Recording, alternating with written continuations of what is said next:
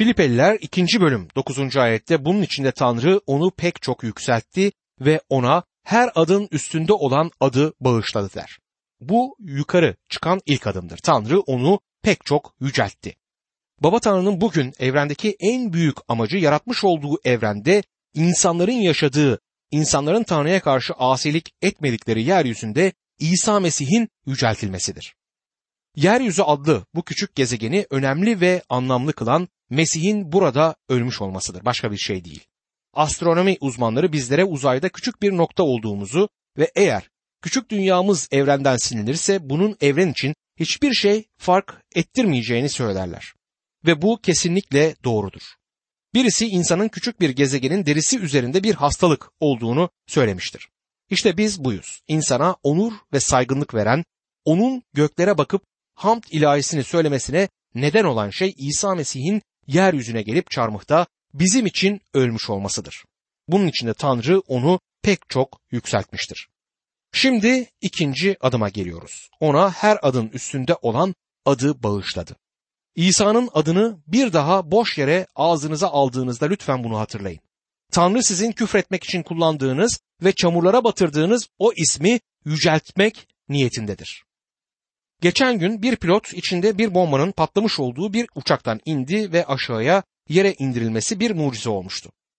Bu pilot kalabalığın yanında durup İsa Mesih, İsa Mesih diye bağırmaya başladı. Bunu küfür olarak mı söyledi bilmiyorum.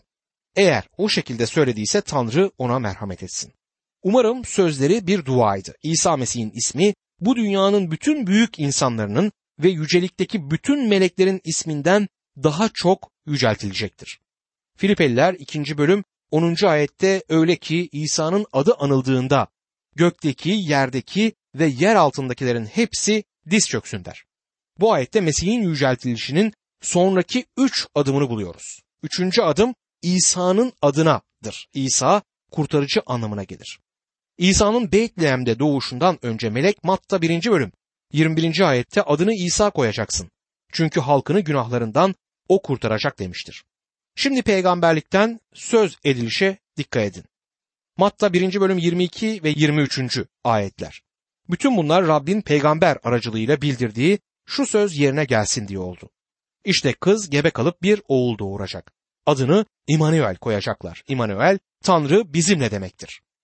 Bana kutsal kitapta İsa'ya İmanuel denilen bir yeri gösterebilir misiniz? Ben hizmete atıldığımda kız gebe kalacak adlı peygamberlik benim için hiçbir zaman sorun olmamıştı. İsa Tanrı olduğundan insan ailesine mucizesel bir doğuştan başka hangi yolla girebilirdi ki? Ama benim için sorun olan onun adını İmanuel koyacaklar ayetiydi. Çünkü kutsal kitapta ona İmanuel dedikleri bir yer bulamamıştım. O zaman o peygamberlik yerine gelmedi diyebilirsiniz. Dostum bu hayal edebileceğiniz en harika şekilde yerine gelmiş peygamberliktir. Melek adını İsa koyacaksın. Çünkü halkını günahlarından kurtaracak olan odur dedi. Şimdi bunun üzerinde düşünün. Bana İsa diyemezsiniz. Ben kendimi bile kurtaramam. Size de İsa demek doğru olmaz çünkü siz de kendinizi kurtaramazsınız. Gördüğünüz gibi bugün hepimiz aynı yerde, aynı gemideyiz. İnsanlık batmakta olan bir gemidedir ve gemi batmaktadır. Bir kurtarıcı olacaksa o kişi dışarıdan gelmelidir. Ayrıca bir halat atmayı isteyenler de var. Batan bir gemideki gibi. Yukarı güvertedeki biri alt güvertedekilere size bir halat atayım der. Ama yukarı güvertede batmaktadır. Anlayacağınız gibi halatın insanlık gemisinden başka bir yerden gelmesi gerekir.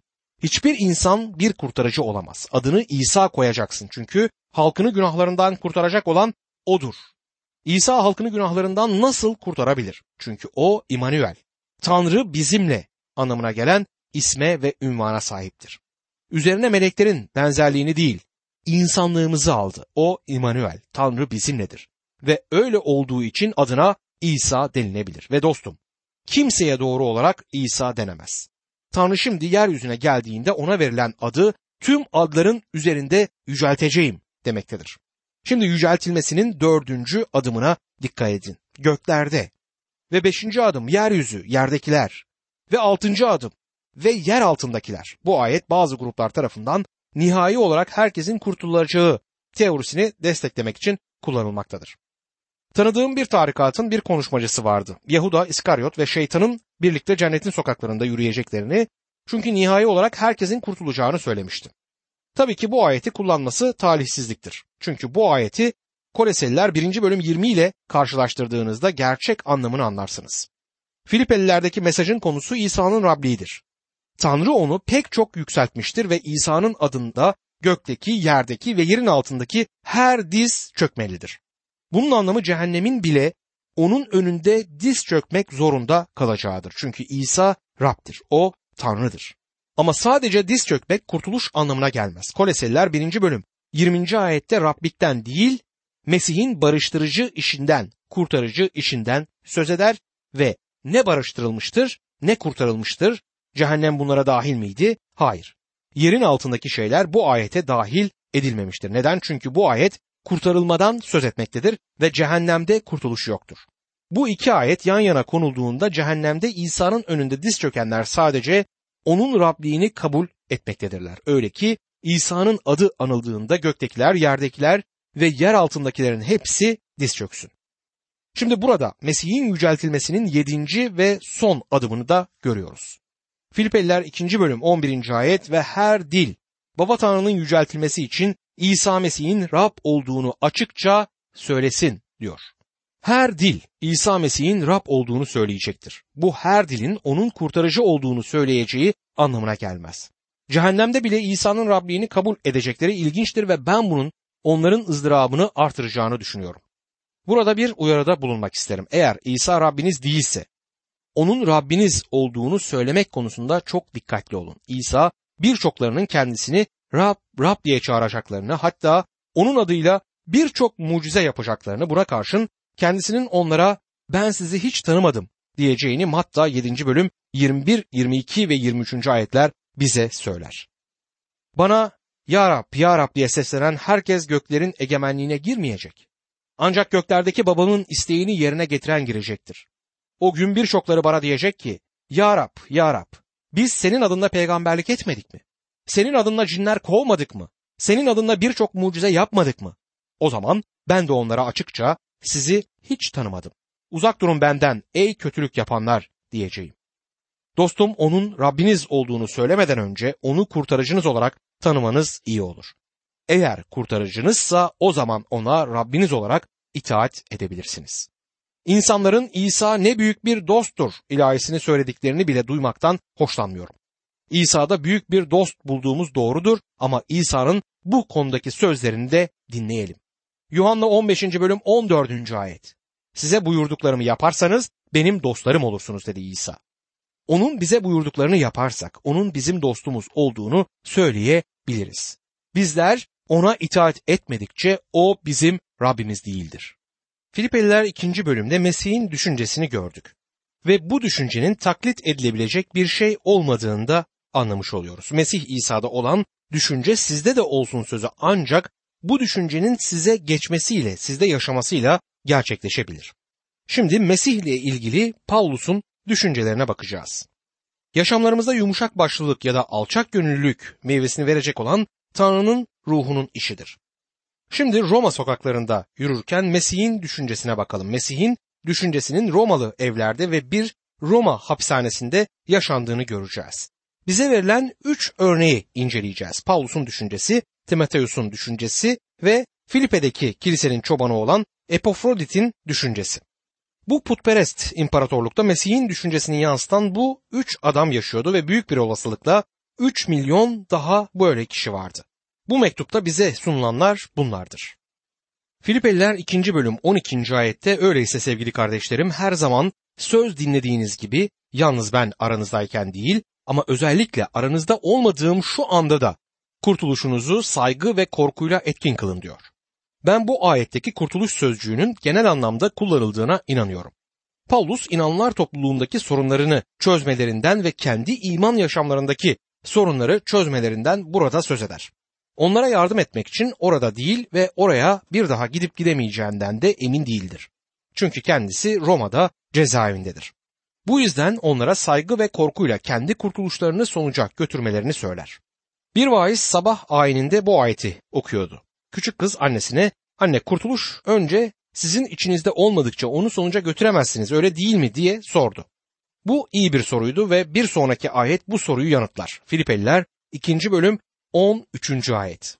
Çünkü kendisine hoşnut edeni hem istemeniz hem de yapmanız için sizde etkin olan Tanrı'dır. Bu yüzden Tanrı önceden içinize girmiş olan şeyi sonuca götürür. Eğer Tanrı sizi kurtardıysa sizi imanla kurtarmıştır. Sizden gelen hiçbir şey yoktur. Tanrı kurtuluş için hiçbir türde iyi işi kabul etmez. Ama kurtulduktan sonra Tanrı sizinle işleriniz hakkında konuşacaktır. İmanla size vermiş olduğu kurtuluşu sonuca götürmeniz için sizde etkin olacaktır. Calvin bunu şu şekilde dile getirmiştir. Sadece iman kurtarır ama kurtaran iman hiçbir zaman tek başına değildir. Yakup bunu Yakup 2. bölüm 17 ve 18. ayetlerde şöyle dile getirir. Bunun gibi tek başına eylemsiz imanda ölüdür. Ama biri şöyle diyebilir. Senin imanın var, benimse eylemlerim. Eylemlerin olmadan sen bana imanını göster, ben de sana imanımı eylemlerimle göstereyim. Sadece Tanrı yüreği görebilir. Tanrı bizim gerçek durumumuzu bilmektedir. Benim kurtarıcı imana sahip olup olmadığımı bilir. Sizin kurtarıcı imanınız olup olmadığını da bilmektedir. Ama komşunuz sizin imanınızı göremez. Görebileceği tek şey iman işlerinizdir. Gerçek iman etrafınızdaki insanlar bizim farklı olduğumuzu, Mesih inanlısı olduğumuzu anlayabilsinler diye etkin olacaktır. Bizlerin inanlı olduğumuzu bildirmemiz için elimizde bir levha ya da bir tür simge taşımamız gerekmez. Elçi Paulus Filipili inanların yaşamlarında kendini gösterecek olan imandan söz edecektir. Filipeliler 2. bölüm 14. ayette her şeyi söylenmeden ve çekişmeden yapın ki diye söze girer. Eğer bunu yaptığınız için söylenecekseniz inanlılar topluluğunda bir görev ya da pazar okulu öğretmenliği yapmayı kabul etmeyin diyor. Bu inanlılar topluluğunda başka pek çok şeyden daha çok zarar verecektir. Yapılan her iş mırıldanmadan, söylenmeden ve çekişmeden yapılmalıdır. Filipeliler 2. bölüm 15. ayette yaşam sözüne sımsıkı sarılarak aralarında evrendeki yıldızlar gibi parladığınız bu eğri ve sapık kuşağın ortasında kusursuz ve saf, Tanrı'nın lekesiz çocukları olasınız der. Bir ışık gibi olun diyor. Geceleyin dışarıya çıktığımızda gökteki yıldızları görüyoruz. Tanrı bu karanlık dünyaya baktığında kendisine ait olanları buradaki aşağıdaki küçük ışıklar olarak görür. Çocuklar benim küçük ışığım adlı bir şarkı söylerler. Evet dostum. Durum aynen böyledir. Paulus aralarında evrendeki yıldızlar gibi parladığınız diyor. Gökteki yıldızlar nasılsa bizler de bu dünyada öyleyiz. Filipeliler 2. bölüm 16. ayette öyle ki boşuna koşmadığımı, boşuna emek vermediğimi görerek Mesih'in gününde övünecek bir nedenim olsun der. Yaşam ve ışık bağlantılıdır. Yaşam sözüne sımsıkı sarıldığımızda dünyadaki ışıklarızdır. Ve Paulus Filipili inanların imanlarını iyi işlerle gösterdiklerini işittiğinde seviniyor. Bu inanların Paulus'un kalbinde özel bir yeri vardır. Çünkü bunlar kendisinin Rabbe yönelttiği kişilerdir. Filipeliler 2. bölüm 17. ayette kanım imanınızın sunusu ve hizmeti üzerine adak şarabı gibi dökülecek olsa da seviniyor, hepinizin sevincine katılıyorum der. Bu Tanrı sözünün bütünündeki en harika ayetlerden birisidir. İman yaşamının gerçekte nasıl olduğunu göstermektedir. Eski antlaşmadaki en eski sunulardan birinden burada söz edilir. Bu yaratılış 35. bölüm 14. ayetteki sunudur. Yakup Tanrı'nın kendisiyle konuştuğu yere taş bir anıt dikti. Üzerine dökmelik sunu ve zeytinyağı döktü der bu ayette. Yakup'un Beytel'de bir anıt dikip üzerine dökmelik sunu ve zeytinyağı döktüğünü görüyoruz. Sonra Levililer ve Sayılar kitaplarında bu sunular tanımlanmışlardır. Yakılmalık sunuya ve yiyecek sunusuna eklenmesi gereken bir dökmelik sunu olduğunu öğreniyoruz. Bu hiçbir zaman günah sunusuna ya da suç sunusuna eklenmemeliydi. Kurtuluşla hiçbir ilgisi olmadığından çok sıra dışı bir olaydı. Mesih'in kişiliğiyle hiçbir ilgisi yoktu. Bir şarap tulumu getirip ateşte yanmakta olan kurbanın üzerine dökerlerdi. Bu sunuya sonra ne olurdu? Buharlaşıp yok olurdu. Paulus yaşamımın Mesih'in sunusu üzerinde bir dökmelik sunu gibi akıtılmasını istiyorum der.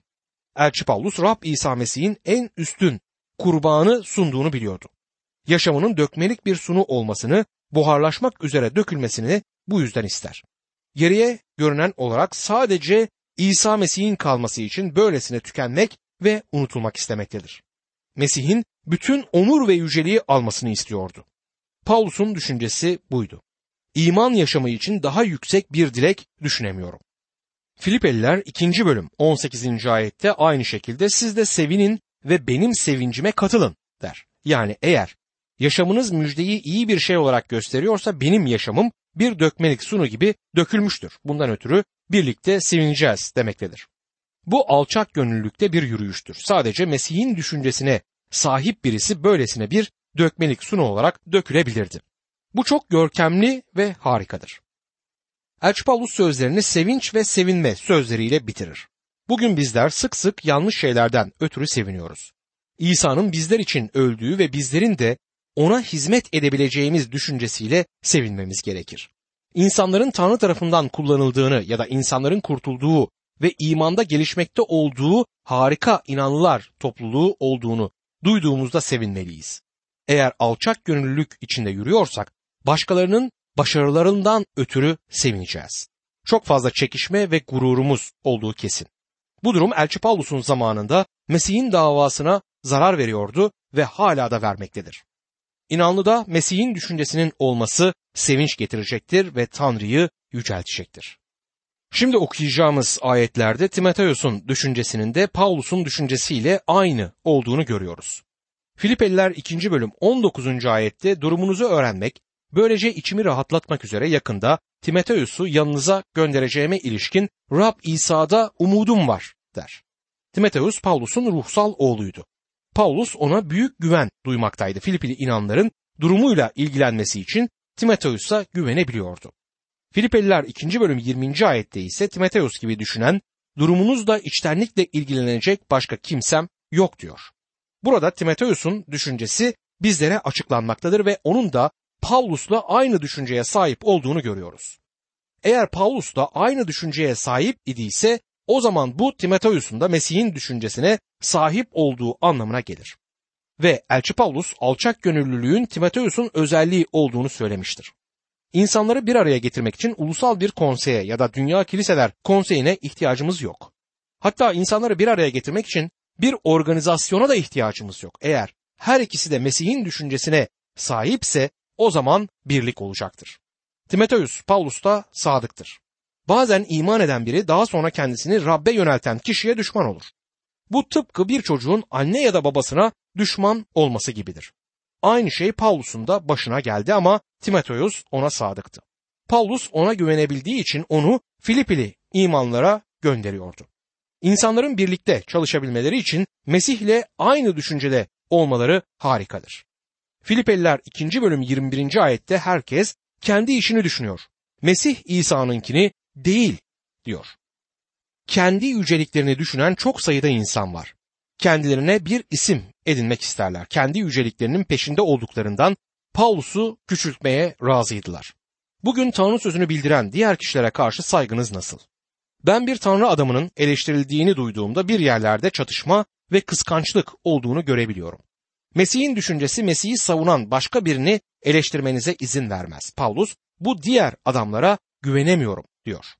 Filipeliler 2. bölüm 22. ayette ama Timoteus'un değerini kanıtlamış biri olduğunu, babasının yanında hizmet eden çocuk gibi müjdenin yayılması için benim yanımda hizmet ettiğini bilirsiniz diyor.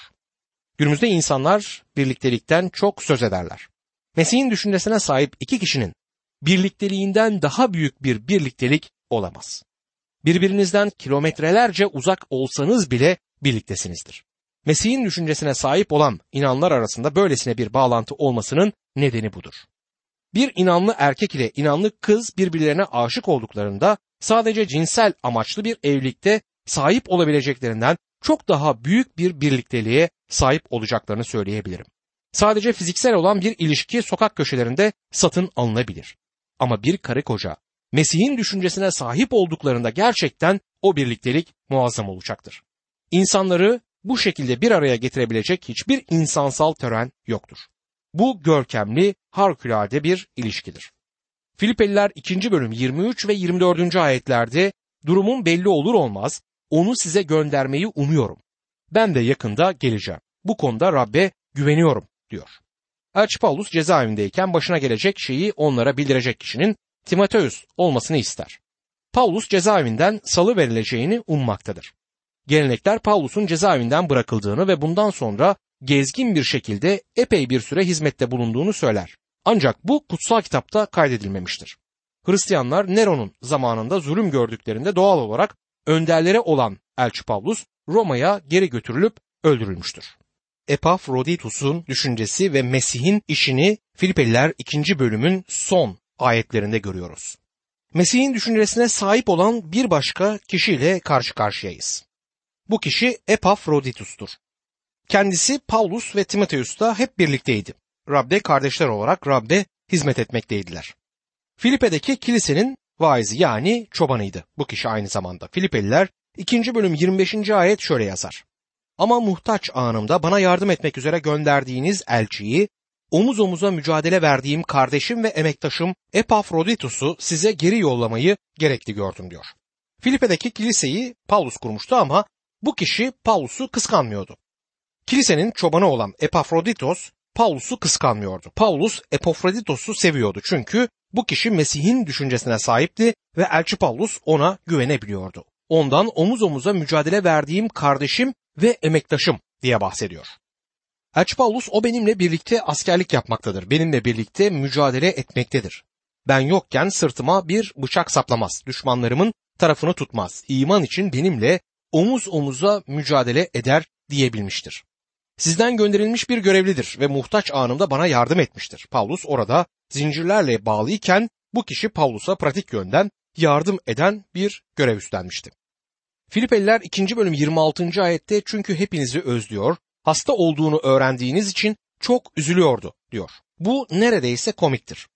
Epafroditos hastalanmıştır ve Filipe'deki kiliseye kendi çobanlarının yani pastörlerinin hasta olduğu haberi ulaşmıştır. Onları özlüyordu ve büyük bir olasılıkla yaşadığı yeri de özlemekteydi. Oradaki kilisenin kendisinin hastalığından ötürü yas tuttuğunu öğrenince hastalığı yeniledi. Çünkü kendisi hasta olduğu için onların üzülmesi onu üzmüştü. Burada bir tür kısır döngü başlamıştır ama bu iyidir çünkü Filipe'deki kilise ile vaizleri arasındaki muhteşem ilişkiyi ortaya koyar. Konferans hizmetimde birçok kilisede konuşma yaparım ve bir kiliseyi Tanrı sözünü bildiren ve öğreten vaize karşı tutumlarına göre değerlendirebileceğimi öğrendim. Bir ihtiyar beni bir kenara çekip, kardeş harika genç bir pastörümüz var ve Tanrı sözünü bildiriyor dediğinde bu benim yüreğimi sevinçle doldurur. Ama bazen ihtiyarlardan biri beni bir kenara çekip bu vaizden nasıl kurtulabiliriz? Kendi görüşlerine fazlasıyla bağlı, dogmatik ve her şeyi yönetmek istiyor der. Ona Tanrı sözünü bildiriyor ve öğretiyor mu diye sorarım. İhtiyarın yanıtı evet ama bu bizde her zaman vardı derse o zaman Tanrı sözünün o adam üzerinde hiçbir etkisi olmadığını görürüm. Eğer düşünceleri genel olarak kilise tarafından paylaşılıyorsa o kilisenin geleceği kötüdür. Bir toplulukta, bir misyonda kutsal kitabı bildiren bir vaizin reddedilmesi birçok kilisenin ve o hizmetin ölmek üzere diz çökmeleridir. Göreceğiniz gibi şeytan çok akıllıca davranmaktadır. Saldırısı Tanrı sözünün kendisinden Tanrı sözünü bildiren adama yönelmiştir. Bunun doğru olduğunu her tarafta gördüm. Bir kilise için gerçek sınav önderlerine karşı olan tutumlarıdır. Epafroditos kilisesi tarafından çok seviliyordu ve bu da Filipi kilisesi hakkında çok olumlu bir göstergedir.